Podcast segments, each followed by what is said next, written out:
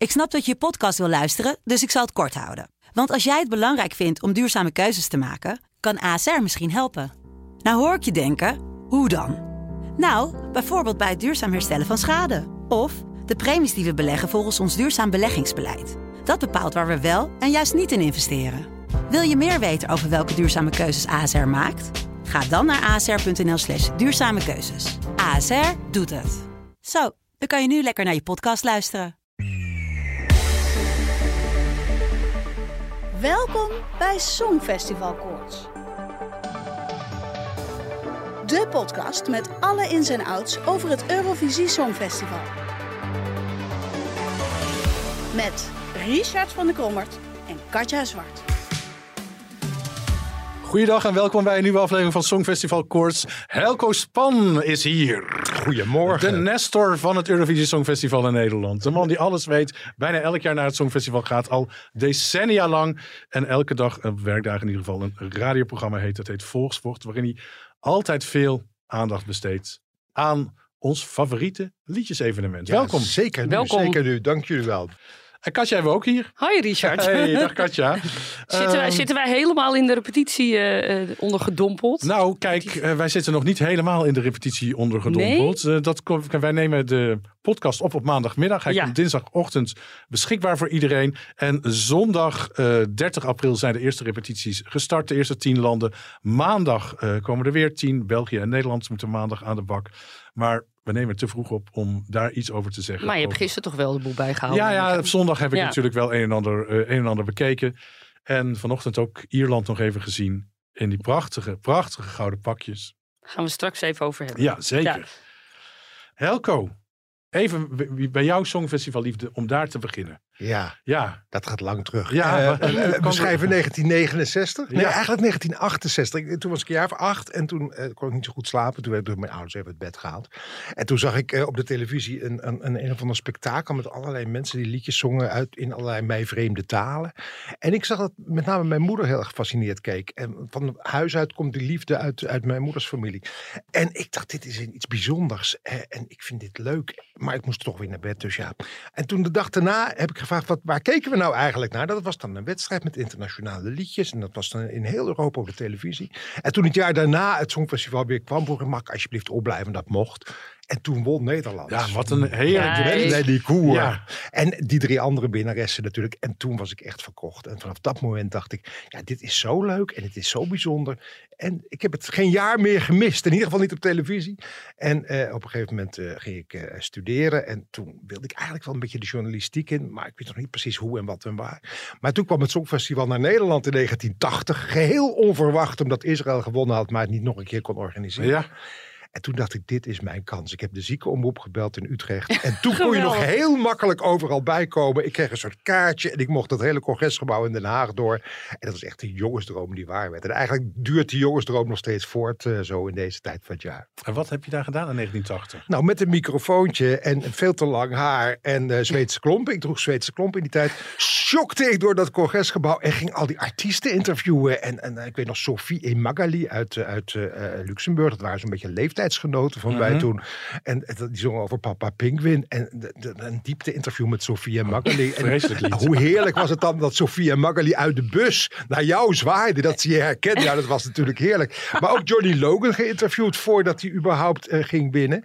En nadat hij gewonnen had, wilde ik graag nog even met hem spreken. En toen ging ik onhandig op zijn bloemen zitten. dus dat hebben we laatstelijk nog een keer goed gemaakt door hem alsnog een bos bloemen aan, aan te bieden. Maar dat waren gewoon, weet je, het was echt een jongensdroom die waar. En je kwam overal zo makkelijk bij. Alle repetities, overal. Al die artiesten liepen in het wild rond. Dus niet meer te vergelijken met nu. Maar als, als, als eh, entree in de Songfestivalwereld echt onvergetelijk. Goud, goud waard. Eh, wat we doen in het Songfestival Koorts is het nieuws bespreken van de afgelopen week. En daarvoor gaan we eerst luisteren naar een muziekfragment. I'm sorry, just human. I'm losing myself out chasing highs. I'm burning daylight. I'm scared that I'm falling behind. I'm losing myself. Ja, Katja, Dat klonk toch een stuk beter dan dat we eerst gehoord dat hadden. kun je wel zeggen. Hè? Ja, Bij Khalid en Sophie eh, hebben Mia en Dion hun eh, Burning Daylight eindelijk voor de tv live gezongen. Ja, een, Tenminste, we denken dat het live is geweest. een toch? soort Ja. noodgreep hè, naar alle toestanden. Ja, nou, ik vind het eigenlijk wel goed. Had natuurlijk veel eerder moeten gebeuren. Ja, het belangrijkste was wat daar verteld werd. Dat het anderhalve octaaf hoger is gezet. Ja, dat is toch, dat kan je toch niet bedenken dat het nieuws werd gedomineerd de afgelopen dagen door anderhalf octaaf hoger. Dat vond ik heel grappig om te zien. Het stond ook heel droog zo. Ja, ik heb nog een app van Teletext. Ik Ja. ben van het jaar nul. En er stond ook anderhalf octaaf hoger naar Liverpool. Ja, hilarisch. In de week voordat ze naar Liverpool afreisden. eh, Mia en eh, Dion zijn daar inmiddels. Hebben ze dat dus nog even aangepast. En eh, tijdens dat interviewtje wat ze gegeven hebben bij, eh bij Khalid en Sophie. zeiden ze ook dat ze worstelden met het nummer. En dat het eigenlijk niet geschikt was voor hun stemmen. Dat is toch erg? Eigenlijk is dat heel erg. En eh, we stonden net bij het koffieapparaat en toen zeiden we al tegen elkaar van... God, dat nummer moet toch gewoon op 1 september ingeleverd zijn bij Avrotros. En dan wordt het beoordeeld en dergelijke. En is het geworden. Eh, nou, het is niet dat het helemaal klaar is natuurlijk. het toch? kan een demo zijn, maar toch, weet je, op dat moment moet er wel een basis staan natuurlijk. En dan is het toch gek dat je dat een week voor het Songfestival deze conclusies trekt. En wat leren we eruit? Dat je toch moet luisteren naar kritiek. Nou, dat hebben ze wel gedaan. Ze, het, ik ja, nou, eerlijk zij, zeggen, niet zozeer zij, maar meer denk ik eh, de mensen om hen heen. ook, ja, maar ook Dion en Mia, ik heb ze ook nog gesproken bij Eurovision in Concert, jij misschien ook. Ja, Maar ze reageerden op zich sportief op alle kritiek. ze waren hoor. hartstikke sportief. waren- Ik heb ook zeker niks tegen eh, Dion en Mia. Laat dat duidelijk Ja. zijn. Ik vond ook die gezichtjes zo gespannen. Zag je dat bij en Sophie? Ja, Oh, natuurlijk ik waren ze gespannen. Wat had ik met ze te doen? En de opluchting daarna, het huilen stond ze naderbij aan het lachen. Nou, toch? ik vond ze toch wel Van glunderen. ontlading, hè? Ja, ja, ik vond ze Ja. ook wel glunderen. Maar misschien doen, doen, Ja, je doen hebt, we je op hebt, hetzelfde. je hebt wel een schattig stukje geschreven trouwens. Dat doe je ook niet altijd. Dat ze glunderden na de uitzending. Nee, dat doe ik ook niet. Maar kom, Nee. we hebben de lijn omhoog ingezet als Nederland. Oh ja, ja, oh, je gaat helemaal positief erin. Ja, oké. Ja, alhoewel ik hier op de redactie nog hoorde hè, dat ze, wat ze ook zeiden, het nummer is voor onze stemmen eigenlijk heel lastig om uit te voeren. Dat zei Dion eh, tijdens die uitzending. Maar goed, nu op de redactie werd er hier gezegd van nu ligt er dus een veilige toonsoort en gaan er achtergrondzangers mee. Ja, Ja, wie zijn dat een, een trouwens? collega zei er, het alle prik is er nu wel af van dat nummer. Als er nog prik in zat. Toch? Ja, ik, weet niet wie die ben- achtergrond, ja, ben- achtergrondzangers zijn. Ik heb geen idee. Dat, eh, Daar nou. gaan we vast... eh, Daar moeten we nog even Ja. achteraan komen. Het gesprekje, ja, ik zie Helco kijken. Je bent hier in een soort shownieuws beland eh, Ik, natuurlijk. ik volg jullie ademloos, Ja. eh, mevrouw meneer. Dat gesprekje met Duncan was, daar heb ik heel veel reacties over gehoord. Ja, en waarschijnlijk vooral hetzelfde als waar ik eh, reacties op kreeg, is dat hij er maar op bleef hameren dat hij creative director was en geen coach. Ja, dat heb ik nooit gezegd.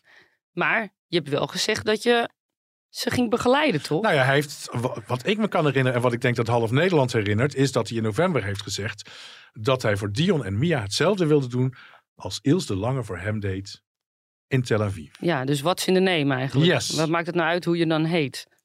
Hij was een beetje in de verdediging aan het eh, schieten, niet? Ja, vond ik wel. Vond Ja. ik wel, ja. Ja. En vervolgens kreeg hij de hele goede gemeente van de fans over zich heen. Want eh, hij eh, begon weer over dat techniekverhaal hè, in Madrid en die pre-parties. En het wordt georganiseerd door fans. En dat veegde hij een beetje over één kam, hè, leek het wel. Ja, terwijl er was al besproken eh, wat er niet goed was. En dan ga je alsnog over de techniek beginnen. Toen werd de organisatie van Eurovision in Concert eh, een beetje boos. Die liet volgens weer een eh, statement eh, eh, los daarop. Van ja, wij organiseren dit wel professioneel en dat doen wij goed. Cordald Maas begon erover te twitteren. die, was begon ook niet blij. bezig mee te- maar, maar ze hebben wel een punt. Mensen, deze soap houdt nooit op.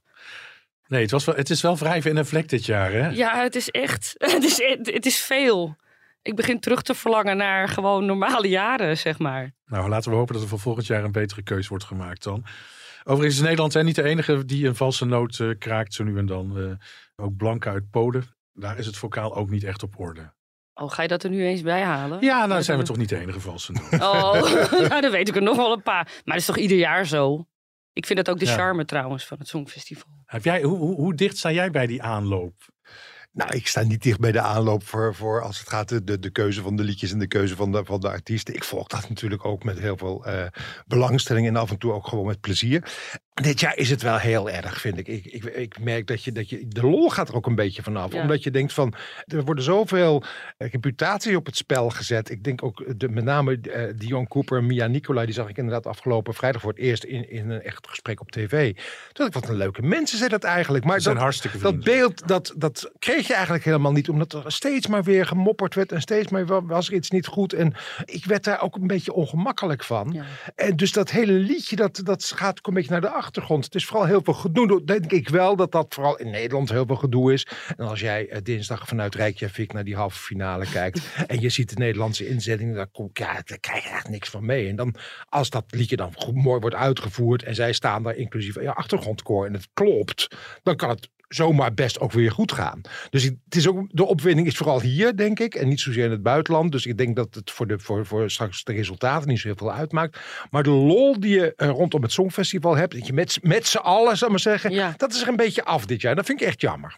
Ja, die achtergrondzangers zangers moeten het natuurlijk ook opkrikken, hè, het vocale. En dat zal ze ongetwijfeld ook lukken. Ik denk dat Dion en Mia prima kunnen zingen hoor. Dat zagen we toch eh, vrijdag. Dat is het niet. Het is dat hele dat, dat gedoe waar we het al tot in de treur over hebben gehad. Dat gedoe eromheen allemaal. En dat, dat het allemaal niet goed is gaan. Ik heb trouwens alvast eh die documentaire gekeken. Die staat op NPO Start van Mhm. ehm, Dion en Mia. Een Missie Songfestival Ja. heet het nu. Normaal heet dat Onderweg naar. En nu heet het ineens Missie Songfestival. Die wordt denk ik uitgezonden voor de eerste halve finale. Maar die kan je alvast eh, bekijken. Nou, er zaten ook wat opvallende eh, dingen in. Onder andere hoe zwaar ze het best wel hadden gehad. Dat ze de hele goede gemeente over zich heen kregen. Mhm.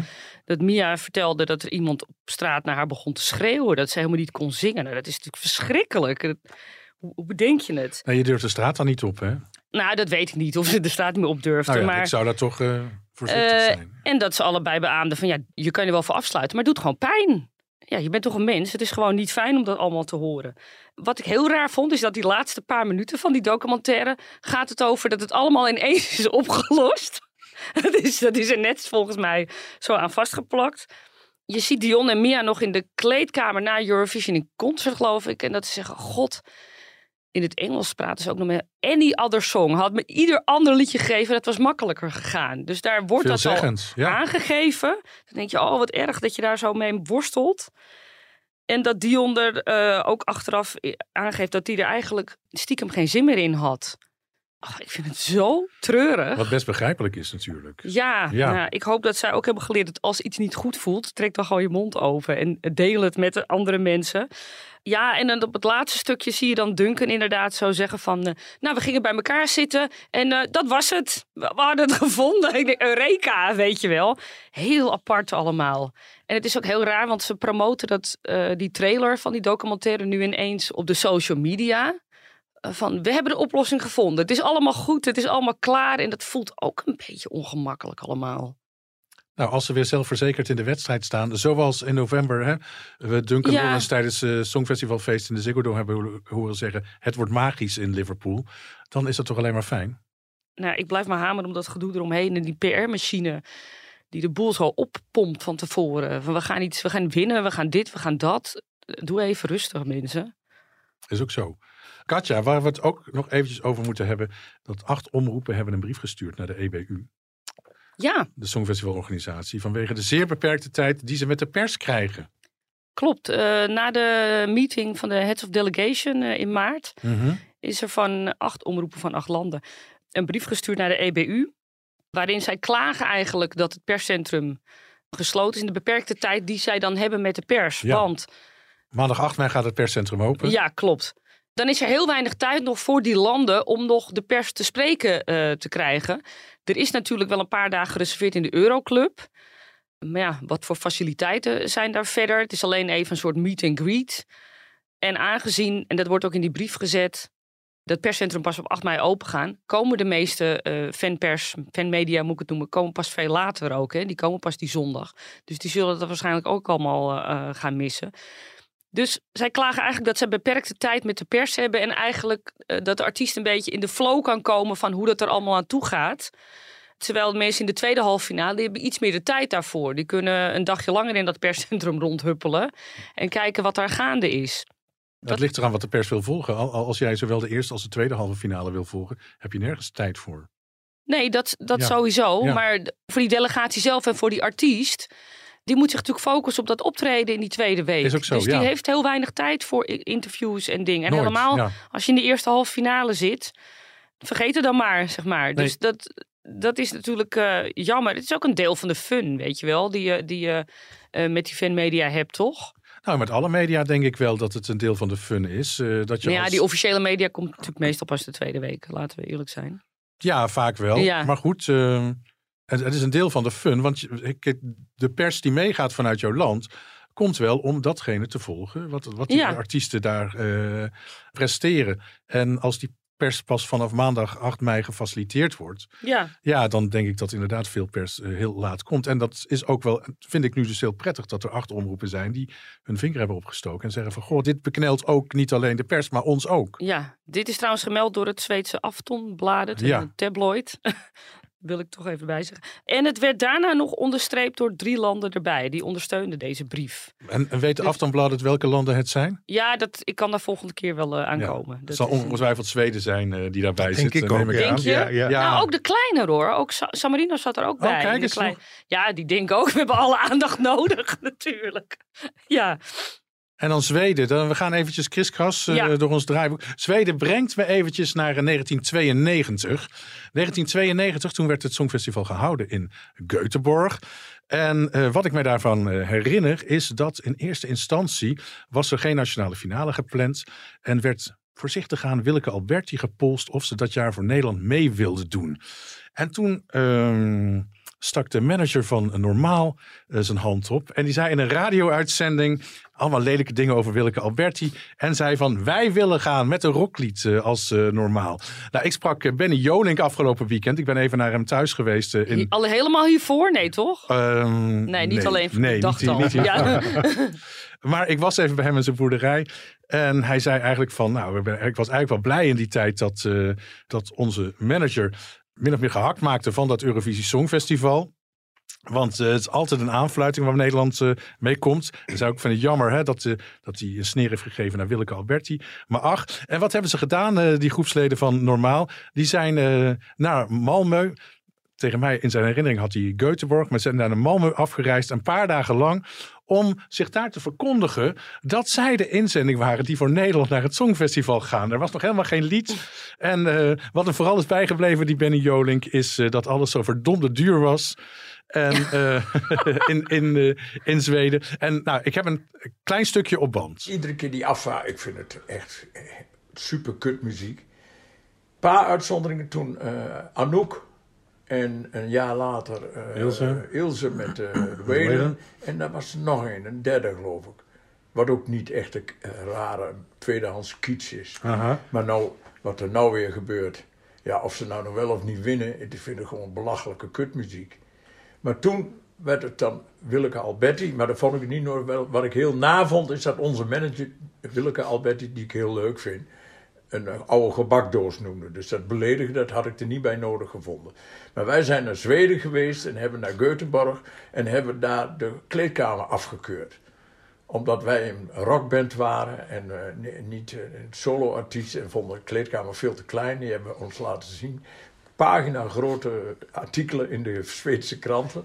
Dus wij zeiden gewoon dat wij de Nederlandse afvaardiging waren. En toen zeiden we, we waren met z'n drieën. Er zijn drie bieren en drie, eh, hoe heet dat ook alweer, Eh, aquavit. Aquavit, ja, dat drinken ze daar. Ja, nou, dat bracht ons drie bier. En toen zei waar blijft die aquavit? Ja, we wachten tot die andere drie komen. Nee, dat is voor ons. Heel duur, hè. Oh, lachen. En die, over die prijzen in de etalages, daar verbaasden we ons over. Toen zeiden we, op, nou, hier valt het wel mee. Dat was 150 gulden, of eh, omgerekend, 150 gulden voor een kostuum. Nee man, dat is een stommerij.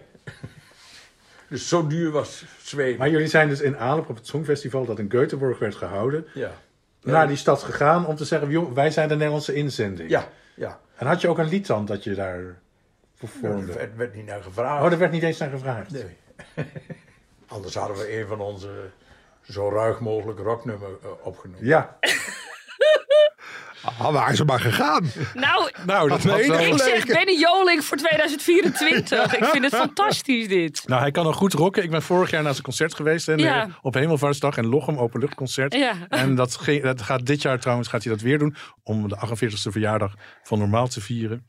En eh, dat rokt nog steeds, dat kan ik je zeggen. En eh, ja, dat is hartstikke leuk. Nee, maar de grap is dat Ja. we misschien volgend jaar weer naar Zweden gaan. Dan kan hij zich weer verbazen Ja, over die Precies, prijzen. nog steeds duur. Er is niks veranderd. Ja. Helco, eh, door de jaren heen, hè, die aantal decennia dat jij een verslag hebt gedaan van het Songfestival, heb je een paar jaar geleden ook een boek geschreven. Ja, met, Met, een hele met bijzondere collega. Tom Ja, Mikkers. precies. Juist die combinatie met Tom was heel bijzonder. Want dat kreeg een beetje een soort, nou ja, religieus sausje is misschien te veel gezegd, maar... Nou ja, Tom Mikkers is theoloog. En eh, eh, wij hebben ooit, dat is ook al jaren geleden, een kerkdienst georganiseerd. eh, waar ook KRO-NCRV aan meedeed. Rondom het Songfestival. En, en Tom is theoloog, dat ben ik niet. Dus Tom heeft een kerkdienst samengesteld op basis van Songfestivalliedjes. In de vorm van een, van een protestantse dienst. En dat is een heel mooie middag geweest. En toen zijn we bevriend geraakt. En we hebben daar heel vaak over gesproken. Dat het Songfestival ook wel een soort religieuze trekjes heeft. Er worden vaak liedjes gezongen met, met een moraliserende boodschap. Soms met een letterlijk christelijk sausje. Halleluja, won ooit zelfs. eh, eh, amen, komt ook nog een keer eh, namens Israël in, in de strijd. En zo zijn er meer liedjes geweest. En dat hele festival heeft ook iets van een viering. Als je nu leest dat mensen elkaar Happy Eurovision wensen deze dagen. Dat is natuurlijk eh, eigenlijk een variant op eh, gelukkig kerstfeest, eh, eh, eh, prettige paasdagen, noem maar op. Daar wordt ook door heel veel mensen haast als een religie aan vastgehouden. Je hebt ook godsdienststrijden, dat hoef ik jullie niet te vertellen. En eh, ook binnen die Songfestivalwereld zijn er van die hele ernstige fitties haast. Als het gaat, ja, maar je, ik vind dat het live moet zijn. Nee, het moet juist eh, eh, met veel dans zijn. Nee, maar die inzending uit Spanje moet juist net. Eh, mensen zijn helemaal, soms helemaal niet zo heel aardig voor elkaar. Ook daar gaat het hard tegen hard. Dus er staat heel veel op het spel. En Tom heeft dat heel mooi in dat boek kunnen beschrijven. Ook met, met referenties naar de geschiedenis en naar referenties naar, naar de Bijbel. En ik heb in dat boek vooral mijn eigen herinneringen gedeeld aan eh, al die jaren Songfestival. En daarom was het ook zo leuk om dat boek samen te maken. Ja. Wat heeft het opgeleverd, het boek? Eh, het boek, conclusie kan er getrokken worden? de conclusie getrokken, die getrokken kan worden, vind ik, is dat het Songfestival veel meer is dan alleen maar een liedjeswedstrijd. Het gaat om, eh, eh, inderdaad, wa- waar het ooit eh, om begonnen is, hè, eh, landen dicht tot elkaar brengen. Dat is nog steeds, denk ik, een heel belangrijk doel. En ook iets wat er heel erg nog steeds speelt bij dat Songfestival. De conclusie kan ook getrokken worden dat wij als Europa aan de ene kant elkaar naar het leven staan, aan de andere kant ook niet zonder elkaar kunnen. Dat, dat is ook een conclusie die je steeds bij dat Songfestival weer vindt. Dat je ehm, eh, ook op een, een of andere manier die, die vriendschap tussen die landen, die wordt versterkt door dat Songfestival. Je hebt jarenlang gezien dat eerst was er het Songfestival, toen kwam de, de Europese gemeenschap voor kolen en staal. Toen eh, kwamen er meer landen bij het Songfestival, toen kwam de Europese gemeenschap. Dus ook dat hele Europa, dat Songfestival liep altijd een beetje voor. En dat is ook een bijzonder, eh, bijzonder gegeven, vind ik. En nu zitten we natuurlijk in een, in een tijd waar, waarin het festival ook weer eh, politiek eh, veel lading krijgt. Dat zagen we vorig jaar Ja. met de overwinning van Oekraïne. Dan zegt Europa ineens, wij staan achter Oekraïne middels een liedje. En helemaal niet het beste liedje vorig jaar, vond ik persoonlijk. Maar dan is Europa weer heel erg bezig om, om, op, een politieke manier... Dan de burgers van Europa, hè, niet de politici, maar de burgers van Europa... eh, laten dan weten waar ze staan. En dat is ook een conclusie die je kunt trekken. Het Songfestival is echt veel meer dan alleen maar leuke liedjes, eh, jurken en danspasjes. Hoewel dat ook hartstikke leuk is, maar het gaat om meer. Ja, ook liedjes zijn vaak politiek natuurlijk. Ook liedjes je- zijn soms politiek eh, gekleurd. Ik bedoel, dat zie je nu met de inzetting uit, uit, uit Kroatië, is dat volgens Ja, mij. Hè? klopt, ja. Waar, waar dictaturen op de, op de hak worden genomen en de tractor van Stalin eh, voorbij komt, Ja, geloof ja, ik. ja. Zoiets, ja. En zo heb je, ieder jaar heb je wel weer liedjes waarin die politiek eh, eh, linksom of rechtsom een rol speelt. Altijd een beetje bedekt, want het mag niet altijd officieel hè, bij- van de, van de Ja. Europese omroepuur niet. Dat begrijp ik ook wel. Je mag niet een ander land gaan afvakkelen in je Maar een liedje. oproep voor vrede mag altijd. En oproep voor vrede mag altijd voor verdraagzaamheid ook. En met de knipoog mag eigenlijk ook wel, denk ik. Hoe kijk jij aan, Helco, tegen de verandering in de loop der jaren? Want jij hebt natuurlijk heel wat songfestivals meegemaakt van dichtbij. Je, zegt net 1980 de eerste keer. Hoe lang ben je daarna naar het Songfestival Ik gegaan? ben eigenlijk sinds tot 2015, als ik het zo terug ga, echt voor mijn werk steeds wel gegaan. Ja. Op één of twee uitzonderingen na. Daarna ben ik het van wat meer afstand gaan volgen. Omdat ook, eh, ik werk op Radio 5 en het is een festival wat heel erg bij Radio 2 past. Dus eh, onze zender kijkt daar wel naar. En natuurlijk doen we er ook wat mee en hebben we er ook aandacht voor. Maar veel meer eh, in- eh, eh, intensief naar Radio 2. Maar als ik kijk naar de ontwikkeling, ja, ik ben toch ook een beetje een ouderwetse man. Ik heb altijd wel enorm genoten van het creëren van zo'n liedje. Ik herinner me nog de repetities in de eerste jaren met orkest. Dan zat je zo in die zaal en eerst begon het orkest zo'n compositie door te spelen. Dan kwam er eens een vocalist bij en dan hoorde je dat liedje zo groeien op de een of andere manier. Het was echt een prachtig, was een heel mooi proces om mee te maken. Dat is nu wat anders. Ik bedoel, eh, eh, inderdaad, eh, in de jaren tachtig waren ook al leuke. Hè? Ik had het net over Sofie en traden op in pingwinkostuum. Dat vonden wij toen al, nou ja, kom si, kom sa, hè, bij van spreken. Maar dat was nog maar een voorbode van wat ons later zou staan te wachten aan, aan spektakel. Dus ik, ik vind het af en toe nog steeds jammer dat, dat het wat minder om de, om de eh, niet minder om de muziek gaat. Dat vind ik altijd, dat is flauw om dat te zeggen. Want het, gaat ook om de muziek van nu. En die kun je niet met een symfonieorkest altijd uitvoeren. Dat begrijp ik heel goed. Maar je merkt wel dat, dat nu, oh, en misschien heeft dat ook wel mee, mee te maken dat, dat de vakjuries eh, wat minder eh, in de melk te brokkelen hebben dit jaar. Je ziet nu wel weer wat meer spektakelstukken op dat festival. En dat vind ik ook wel weer jammer, want ik vind nog steeds die, de kracht van een mooi lied. Ja, En dat die mooie nummers met elkaar concurreren. Een beetje wat het misschien vanaf het begin wat meer was. Dat mis ik af en toe nog wel een beetje. En het is veel groter geworden. Weet je, vraag mij wie, wie namens Frankrijk meedeed in 1982. En ik weet het. Maar leukere disco-dreun uit Montenegro, Macedonië of Albanië. Die haal ik echt door elkaar. het is natuurlijk ook. Het is, maar aan de andere kant is het geweldig dat die landen meedoen. Hè? Hoe meer zielen, hoe meer vreugd. Dus dat vind ik er wel weer heel erg leuk aan. Dat, dat het echt groter is geworden. En dat Europa veel groter is geworden dan alleen maar het Westen eertijds. Maar dat was natuurlijk in de jaren tachtig nog. Ja. En je gaat er ieder jaar eh, toch nog wel heen. Hè? Want ik kwam jou vorig jaar tegen in Turijn. Ja, En ik dat is nog- toch een soort verslaving, hè? En ik weet nog heel goed dat je zei... Ja, maar met kerstboom zet je toch ook een kerstboom... Met kerst zet je ook een kerstboom Ja, op. maar dat is het. Ja. Ook een beetje happy Eurovision. Het is dit- deze tijd van het jaar, daar hoort gewoon het Songfestival bij. En ja, in mijn geval vind ik het ook leuk om te zien hoe zo'n stad daarmee leeft. En hoe zo'n stad versierd Ja, het is heel kinderachtig. Hoe zo'n stad versierd is. En meestal kun je wel één keer even naar zo'n avond of naar een repetitie met een kaartje. Dat is ook leuk om mee te maken. Het hoort er gewoon. Het hoort ook bij mijn leven, zal ik maar zeggen. Het hoort inderdaad. Met kerstboom zet je een kerstboom. Met kerstboom Ja. zet je een kerstboom op. En nu ga je naar het Songfestival een paar dagen. ja en natuurlijk, wij willen natuurlijk eh, heel graag weten wie deed er in 1980 mee voor Frankrijk. In 19. Oh, dat is nu een. Oh, dat was eh, eh, een, een du en een kwartet. Dat heette Hey Hey Monsieur Dam. En volgens mij heette dat groepje Profiel. Maar dat weet ik niet meer helemaal zeker. Kijk. Oh, Richard knikt goedkeurend. Ja, Ja, ja, ja. Ben ik geslaagd? Ongelooflijk. Yes. Ja, parate kennis hier aan tafel. eh. we gaan even kijken naar weer dit jaar en naar de bookmakers. Doen we elke week. Ehm, de top drie is ongewijzigd gebleven in vergelijking met vorige week. Op één staat Zweden, twee Finland en drie Oekraïne. Op vier eh, stuift de top vijf binnen. Stond daar vorig jaar, vorige week nog niet. Frankrijk. En op Kijk. vijf is blijven staan Spanje. Noorwegen is uit de top vijf gevallen. En toch even de percentages. Zweden staat op een winstkans bij de boekmakers van 45%. Finland op 17%. Dan Nederland staat Ik, 1. ik hou me toch vast aan die 17 Ja, ik ook. Ik ook, ik ook. Ja. Nederland staat eh, 21ste, vorige week nog 20ste. En België staat 28ste. Zo hoog hebben ze nog nooit gestaan bij de bookmakers. Vorige nou, week nog, dat is niet waar. vorige toch? week nog 31ste. Oh, dit bedoelt dit jaar. Ja, Je, je ja, ja. zegt ja. nog nooit. Dat vind ik ook heel Ja, nee, Mooi dat dit je voor de jaar nog niet. Ja. opneemt. Jij hebt Ja. helemaal gelijk. Dit jaar nog niet. Ja. We hebben natuurlijk eh, de afgelopen negen weken al die 37 liedjes enigszins beoordeeld, besproken Ja. hier tijdens eh, de, de podcast Songfestival Koorts. Nou ja, zondagmiddag heeft eh, Katja alles nog een keertje op een rijtje Wat een gezet. werk Vertel. was dat. Ja. Ja. dat moeten we voortaan toch even anders doen. Jij deed dat heel netjes eh, vorig jaar, hield je dat bij. Maar dat was je een soort van vergeten in deze hele soap rondom de inzending van ook, Nederland.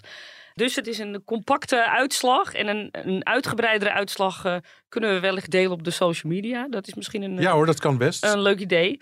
Ja, mensen willen natuurlijk de winnaar weten van ons panel. Hè? ja, we hebben twee winnaars. Moeten we nog even de namen van het panel noemen?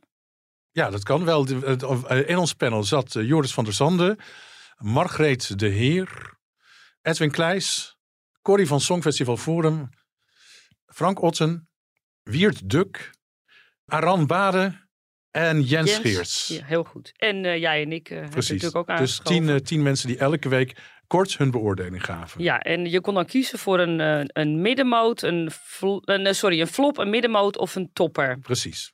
En dat moest goed verdeeld zijn. Hè? 12 toppers, 12 middenmotors Ja. en 13 Jij bent daar heel streng in, hè? Ja, dat Daar was ik altijd heel streng en dit jaar wat minder. Nou, Dus, maar jij hebt dat rechtgezet. ja, moet ik, ik, moet, ik moet het toch continueren, anders vallen we door de mand. Je hebt gewoon mensen teruggefloten zondag. Ik heb mensen teruggefloten, maar heb ik, ik heb dan wel naar jou verwezen. Dat, dat jij daar altijd heel streng op bent. We hebben twee winnaars. Ja, twee eh, landen die allebei tien keer tot topper zijn uitgeroepen. Ja. En dat zijn Frankrijk en Finland. Eén van die twee moet dus gewoon winnen volgende week. Nou, ik hoop het. Dat, dat zou ik echt geweldig Ja. vinden. Dus ik ben trots eh, op het panel. dat we niet eh, toch het mindere lied, eh, tenminste, naar mijn eh, mening hebben gekozen. Op de tweede gedeelde eh, plek hebben we Zweden, Italië en Oostenrijk natuurlijk. Ja, en, dat, en die landen hebben alle drie acht toppers gekregen en twee middenmotors. Klopt. Dan gaan we nog even, dan maak ik een sprong naar de laatste. De laatste. De laatste plek, ja. Helemaal ach, onderaan. Och, Gerda. zielig, zielig, terwijl ik dat zielig. liedje steeds leuker vind vinden. Ja, Dat, dat meen je toch niet? ja dat meen ik wel. San Marino. Ja. Ik luister dat toch graag inmiddels, ja. Ja? Ja, Ja, maar weet je wat het is? In deze periode ga je alles toch leuk vinden. Heb jij dat Ja, ja, ja, ja, dat herken Ja, ik wel. Ja. Dan ben je dat zo van draaien, dan zing je alles mee. Tot, het Ik vind. San Marino ook helemaal niet zo heel onaardig. Ja, geen, geen top 30, maar wel bedoel, helemaal niet zo. Laatste plaats, nee. Nou ja, van iedereen een eh, flop gekregen. Dus dat is niet best. En we hebben toch een heel gevarieerd panel met hele uiteenlopende meningen. Dus dat viel me wel op. Daar vlak boven eh, Letland, Albanië en Polen. oké. nou, Ook heel opvallend. allemaal kansloze landen volgens ons. Nederland, eh, ik heb geen precieze plek nogmaals, maar dat ga ik allemaal delen op de, op de Instagram. Heeft geen flop gekregen van ons. eh. dus wel allemaal midden, net als trouwens als België. Die hebben evenveel eh, middenmotors als eh, tops ontvangen. Ah. Dus we zitten ergens op dezelfde lijn. Dat is toch leuk om te zien. Nou ja, tot zover.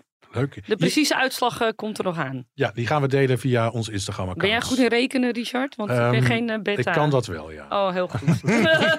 Dan mag jij je daarop storten, want ik weet niet of mij dat gaat lukken. Dan de repetities. Tenminste van datgene dat we zondag hebben kunnen zien.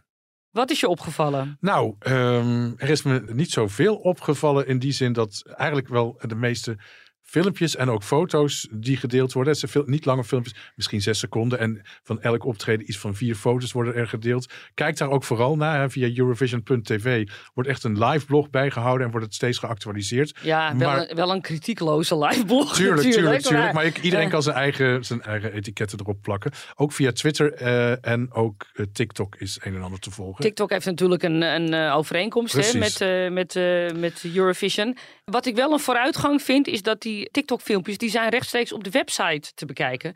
Dus je hoeft niet TikTok op je telefoon te Ah, installeren. dat is een voordeeltje voor jou. Ja, ik ben, ik ben niet zo van de Chinezen en die eh, dictatuur.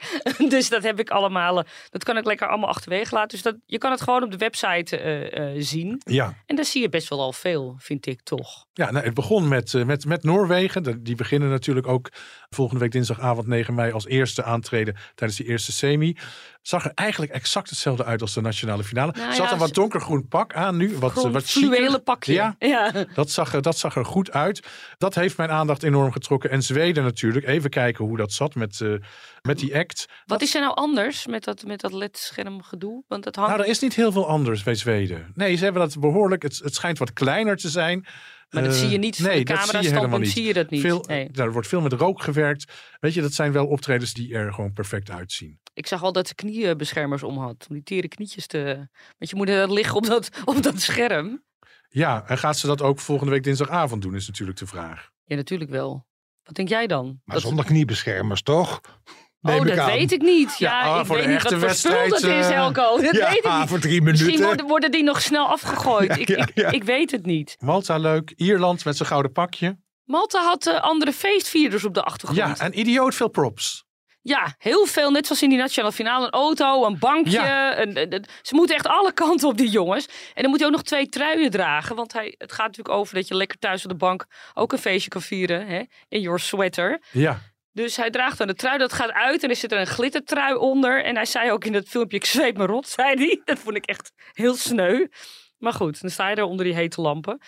Servië zag er ook uit zoals tijdens de nationale finale was. Ja, Ik vind dat toch een spannende inzending. op een evenals manier. Moldavië, Ja. zag ik.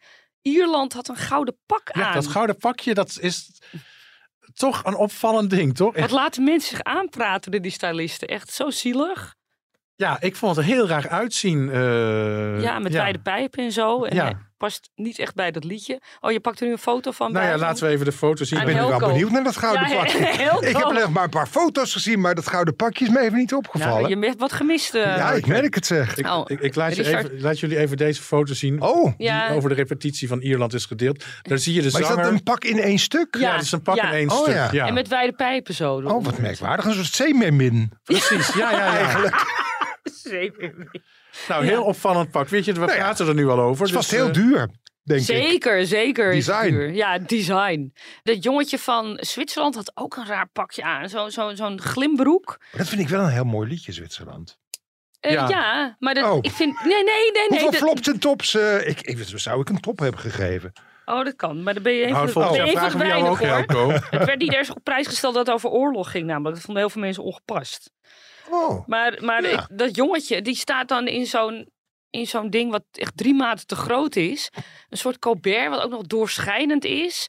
Met zo'n broek. En die, hij verzuipt er zo wat in. Ik vind het echt... eh, ja, ik gebruik het woord zielig heel vaak. Maar dat, ik meen dat wel. maar ze mogen toch ook nog andere pakken aantrekken als het toch Tuurlijk. niet goed bevalt. Ja, zou ja, zeggen. zeker. Dat gouden pak, dat is te duur om dat nog uit te trekken. Maar ik kan me voorstellen dat als je gewoon een Colbert, in ieder geval een keer een ander Colbert, toch? Of is dat iets te nou, simpel maar gedaan? tegenwoordig is het toch wel meestal al wat het is, toch? Vaak wel, maar Het ze mogen ook nog dingen vaak- uitproberen. Ja, alles wat in de maandagmiddag generale repetitie wordt gedragen, dat moet je dragen tijdens de Dus tv-uitzending. tot die tijd mag je wisselen, zullen we Ja. zeggen. Ik herinner me Twee- een paar jaar tweede geleden. repetitie toch mag je, mag je niet meer wisselen, wel? Jawel, mag nog. Oh, het mag nog. Ja, volgens mij mag dat nog. Hoop doet leven. Ja. Zwitserland hebben we twee keer topper gegeven. Oh, kijk. Nou, dus eh, als jij mee had gedaan, had er een derde topper Ja, gestaan, zeker. Ik vind het eh, echt een mooi voor. Zwitserland. Ondertussen op social media eh, gaan er allemaal covers rond van elkaar. Dat doen artiesten nu, hè? Die coveren elkaars het liedje. is iets nieuws, hè? Ja, dat is, ik vind het wel ja, heel erg ja, leuk. Ja, ja, dat is zeker leuk. Ik zag die Theodor André van Roemenië. Die heeft echt alle liedjes... Heeft helemaal in die stijl, eh, in zijn stijl, eh, alle 37 liedjes gecoverd. Nou, ga er, Hij, maar, hij pakt zijn moment nu, dat is heel slim. ga er maar aan staan. Een van mijn favorieten is toch wel eh, Lord of the Lost van Duitsland. Aha. Die deelt tegenwoordig iedere dag volgens mij een liedje.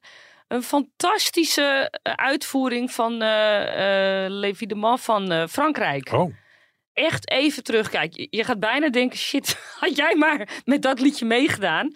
Dat had er echt uitgekomen. En zijn stem eh, komt er heel mooi in uit. Wat leuk. ook. Ja, leuk. Ik ga kijken.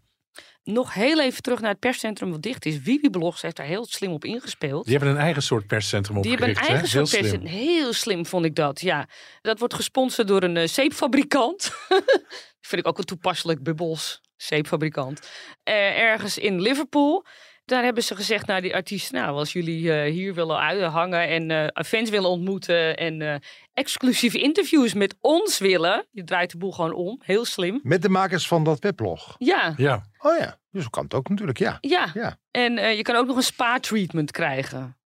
Dat is Oh. ook leuk. goede genade. Nou, Ja, het is een zeepfabrikant. Ja, ja. Ja, Die wil zijn producten nou, ook Richard, kwijt. misschien moet je donderdag even langs gaan eh, als je er bent. toch? Ja. Nee. Jij gaat donderdag die kant op, toch? Eh, donderdagochtend vlieg ik naar eh, Liverpool. Ga Klopt. even kijken. Neem meteen een maskertje. Of een bubbelbad. Nou, misschien kan ik in zo'n bubbelbad wel een interview doen met een van de kandidaten. Oh, dat klinkt heel jaar. spannend ineens allemaal. De Grabbelton. Midden op tafel staat een grabbelton.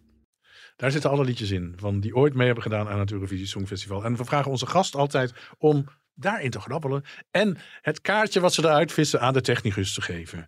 Dus Helco, Grabbelen Ik ga eens even grabbelen in die grabbelton. Kijk, alsjeblieft.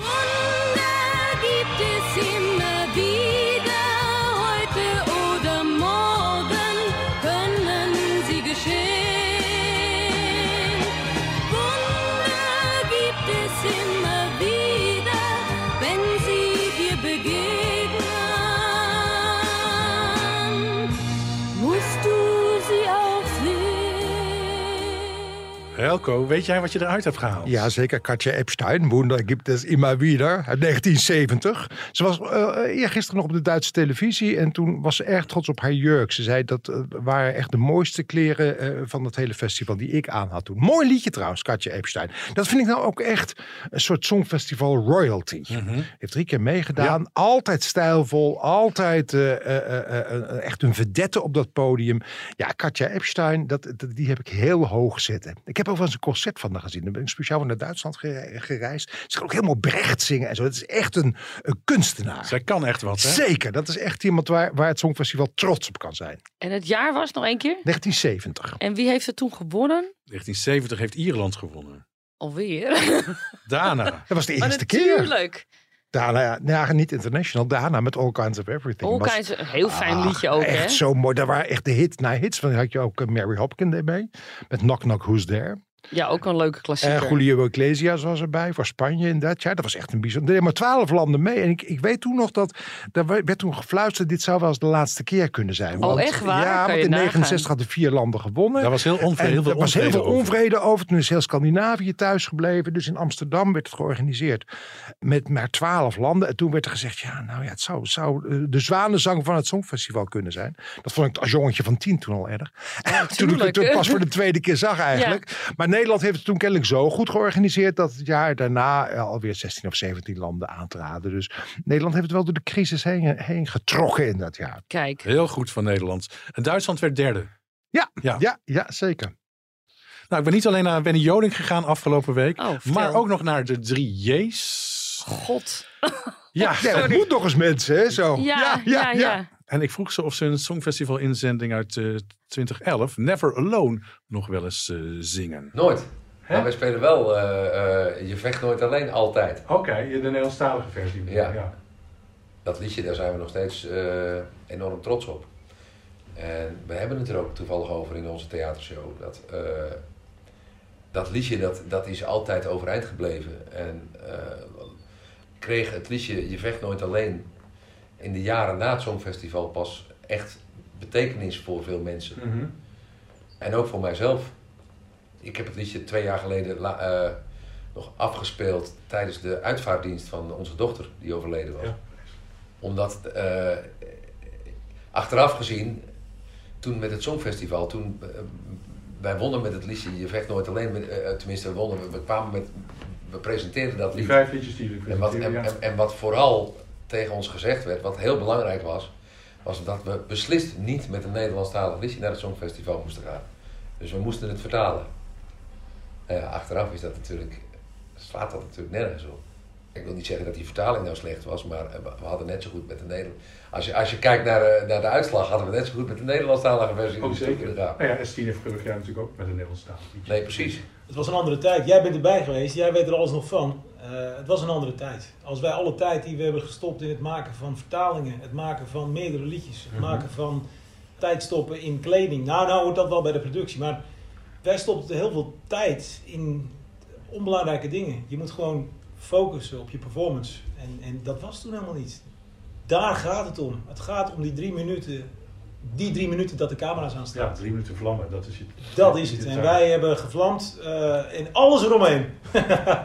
En dat sprak ik vorige week Esther Hart, die heeft ook een keer meegedaan. Die zei van, eigenlijk was het het spannendste wat ik ooit in mijn loopbaan heb gedaan, dat Songfestival. Geldt dat voor jullie ook?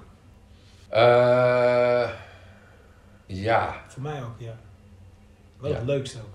Dat was wel in- inderdaad heel spannend en heel eh, stressvol ook. Ja, dat geloof ik wel. En ik ga, ik ga daar nooit zo goed op. Dus ik was heel blij dat het afgelopen was. Ja. Maar toch, warme herinneringen eraan, zeg je. Absoluut. Maar dat zijn natuurlijk wel van die dingen, die, die- dat maak je maar één keer mee. En eh, het is zo ongelooflijk groot. Dat ook dat, ja, dat was te overweldigend. Ik heb ooit in een interview gelezen, ik weet niet voor wie die uitspraak was, van wij waren te normaal voor het Songfestival. Ja, Of wij zijn te normaal. dat wilde ik nu op dit moment niet zeggen, maar, Maar- eigenlijk is dat het wel. Je moet alles uitvergroten en eh, wij dachten van ja, als je maar normaal doet, dan komt dat ook wel goed. Maar dat moet, dat moet niet op het Songfestival. Je moet niet normaal doen. Maar je hoeft ook niet bizar te doen. Nee, toch? En Nee. dat was toen wel een beetje de aanname ook. Nee, maar zelfs als je een heel normaal liedje hebt, zoals uh, Italië. Bijvoorbeeld. Ja, ook dat, ja, dat, ja, dat ook. Maar, ja. Dan moest je dat wel op een manier uh, vormgeven dat het er weer heel speciaal uitziet. Ja, Italië noemde ik nog eventjes uh, tussendoor. Ja. En dat was ook inderdaad hun favoriete inzending van 2011. En Rafael. Rafael Gualazzi. Ja. ja, Ja. iets in. eh, Geweldige zanger. prachtig, prachtige zanger, Ja. geweldig lied ook. eh, tweede geworden. En die hebben de drie J's later nog hè, bij een optreden in de AFAS Live eh, uitgenodigd eh, als gast. eh. Kijk, zo zie je maar, hè? Het Eurovisie brengt toch Ja, het samen. Dat is toch geweldig? Ja. Ja. het soort van vriendschappen tussen al die deelnemers, dat zie je elk jaar weer. En leuk om te horen dat Je Vecht Nog Alleen echt een plek heeft gekregen in het vaste repertoire van de drie J's. En raar dat het in het Engels moest, sorry. Nou, ik denk dat ze daar misschien wel veel beter hadden kunnen scoren als ze gewoon dicht bij zichzelf waren. Ja. gebleven. Ik Precies. vind het ook een geweldig liedje. Je vecht nooit alleen. Echt prachtige tekst. En dan is het toch veel eigener als je dat zingt met alles wat je in je hebt. Dan dat je een vertaling eh, zingt die ook best goed is. Maar toch minder Ja, eigen. En op een andere manier merk je dat ook als kijker en als Ja. luisteraar. Je merkt gewoon of mensen iemand het prikken daar doorheen, ja, hè? je merkt of iemand het meent of het dicht bij iemand. En zeker in zo'n geval, zij schrijven hun eigen werk. Dus ik bedoel, dan staat het dicht bij je. Dus laat het alsjeblieft dicht bij je staan. En wat, wat hij zegt over van je eh, gewone liedjes scoren niet. Dan denk ik, gewone liedjes kunnen best scoren. Je keek naar, naar, naar S10. Dat was een gewoon prachtig eh, leuk meisje met een prachtig lied wat Ja. bij haar hoorde. Daar was weinig poespas. En dat scoort ook. Dus ik denk, je kunt met een gewoon prachtig liedje uitgevoerd door iemand die echt meent wat hij brengt, kun je heel ver komen. En dan laten we Portugal 2017 Ja, niet vergeten. Dat is het perfecte voorbeeld, toch? Ja, daarvan? zeker, zeker. En zo zijn er nog wel best veel meer voorbeelden. Ja, in jouw lange songfestival eh, loopbaan heb je in Volkspot en heel veel interviews gehad. Je bent naar bijna al die songfestivals eh, geweest de afgelopen 40 jaar, horen we je zeggen. Ik kan me herinneren dat je ook nog een prachtige cd hebt gemaakt eh, met remakes. eh, Ja, dat is waar. Hilversum Calling, dat was in de tijd dat je bij de, toen was de, het Metropoolorkest nog was nog deel van de publieke omroep. En je had dan als radioprogramma en als omroep kon je een aantal keer per jaar eh, gebruik maken van dat Metropoolorkest. Voor de rest moest je natuurlijk wel alles betalen, arrangementen, artiesten, noem maar op. Maar in principe dat Metropoolorkest hoorde dan bij het aanbod van de publieke omroep. En wij hebben toen de, cd Hilversum Calling gemaakt, waarin we allerlei mensen hebben gevraagd om remakes te maken van, van eh, bekende klassiekers. Pia Douw heeft toen een hele beetje een Caribbean mallenmolen gemaakt, eh, bijvoorbeeld. Jan, dat is Jannemien Knossen, die viool speelt bij en ook zingt bij Herman van Veen. Die heeft een prachtige Danse Vieze ge- gemaakt uit Oh. Denemarken. Dat was zo'n leuk project. Ja, was een heerlijke cd. eh, ik heb hem thuis nog. Ah, kijk, Ja, wat leuk. Stanley Burleson met David Dong ja, ook nog. ja, eh, zeker. hele leuke ja, versie. zeker, ja. Tien liedjes stonden erop. Het was een soort feestje, al die remakes. Ja, en ook niet Eh, altijd de bekendste liedjes. Er was ook nog een, een liedje uit Spanje, wat volgens mij laatste is geworden ooit. Maar de Ja, zangeres die dat No uitvoerde... escuchar, ja. Precies, en de zangeres die dat Oh. uitvoerde, die zei van ja, ik wil dat. Ik vind dat zo'n geweldig liedje. Dus dat hebben we er toen ook met heel veel plezier opgezet. Het was echt heel erg leuk om te maken. En de Franse inzending van 1991 werd ook nog een remake van gemaakt. ja, door Julia Loco volgens mij was dat. Was een prachtig. uniek project wat je toen deed. eh. Was ook echt leuk om te doen. En het was ieder jaar, en nu is dat nog steeds hoor. Ieder jaar is het leuk, maar dat geldt voor jullie natuurlijk ook. Ieder jaar is het leuk om te kijken hoe kunnen we dit jaar weer aanpakken? Wat kunnen we dit jaar weer doen? Dit jaar hebben we drie acts uit, eh, uit het buitenland in de studio gehad. Uit Slovenië, Azerbeidzjan en Zwitserland. En met name Slovenië en Azerbeidzjan, of nee, Slovenië en Zwitserland, die hebben bij ons akoestisch opgetreden. Ja. En dan hoor je die liedjes heel anders. Zwitserland Leuk, alleen hè? met de gitaar. eh, eh, eh, Slovenië wordt een heel klein leuk popliedje. Dan hoor je ook dat dat hele goede muzikanten zijn trouwens. En dat is ieder jaar ook weer leuk om een, ver- een manier te vinden om dat Songfestival aan te vliegen als journalist. Maar dat eh, zal ik jullie niet hoeven te vertellen. Je was eigenlijk een voorloper als ik dat bedenk met die cd. Als ik dat, wat nu allemaal op social media covers, gebeurt. Ja, precies. Ja, dat was- jij, bent gewoon, jij bent gewoon de eerste geweest. Ah joh, zo is dat zeg. Hebben we nog andere dingen te melden, Katja? dat wij deze week, wij, wij nemen toch weer op de eh, vrijdag, of niet? Wat mij betreft eh, nemen we vrijdag een nieuwe aflevering van Songfestival Koorts Ja. op. Dan, ehm, Zit jij in Liverpool en zit ik hier in de studio. yes. En dan gaan Ja. we kijken hoe we dat precies gaan doen. De Belgische, Nederlandse repetities eh, zijn dan achter de rug. Alle twee repetities zelfs. Dus dan hopen we daar toch een leuke update over te kunnen geven. Ik ga weer de repetities kijken. Nederland is zo Heel verstandig. Ga jij dat ook doen, Elko? Eh, tussen de bedrijven door. Ik, ik werk deze hele week nog. Dus ja, ik heb ook nog het programma wat wat aandacht eh, verdient. Maar volgende week ben ik ook een paar dagen in Liverpool. En dan eh, ga ik me helemaal onderdompelen in, in dat Songfestival. En misschien kunnen we een lekker lauw Engels biertje drinken met z'n drieën. Oh, dat, is, dat, is, dat sla ik nooit af. Slaap jij, Richard, trouwens, deze dagen? Slaap ik? Ja, Ja. heel goed. Oh, ik slaap echt niet. Ja. Echt? Hoe Ik komt slaap dat er gewoon niet van. Adrenaline. Echt waar? Ja, dat heb ik ieder jaar. Het is echt verschrikkelijk. Zie je de wallen niet? Nee, dat valt, dat valt nog mee. Of je hebt ze vakkundig weggewerkt. Maar Nee, dat doe ik nooit aan. Nee, nee maar ik, ik slaap gewoon niet. Nou, Ik ben benieuwd of andere ja. luisteraars dat ook hebben. Laat even weten op de Instagram. Helco, bedankt voor je komst. Graag het lauwe biertje gaan we doen samen met wat fish and chips uiteraard. Heerlijk lekker. Zo'n vette Ehm, krant. Ja. Ons Instagram-account heet gewoon Songfestival eh Koorts. We zijn ook te mailen, podcast.telegraaf.nl. En wat ons betreft tot de volgende opname. Tot volgende Dank keer. voor het luisteren. Groetjes. Dag.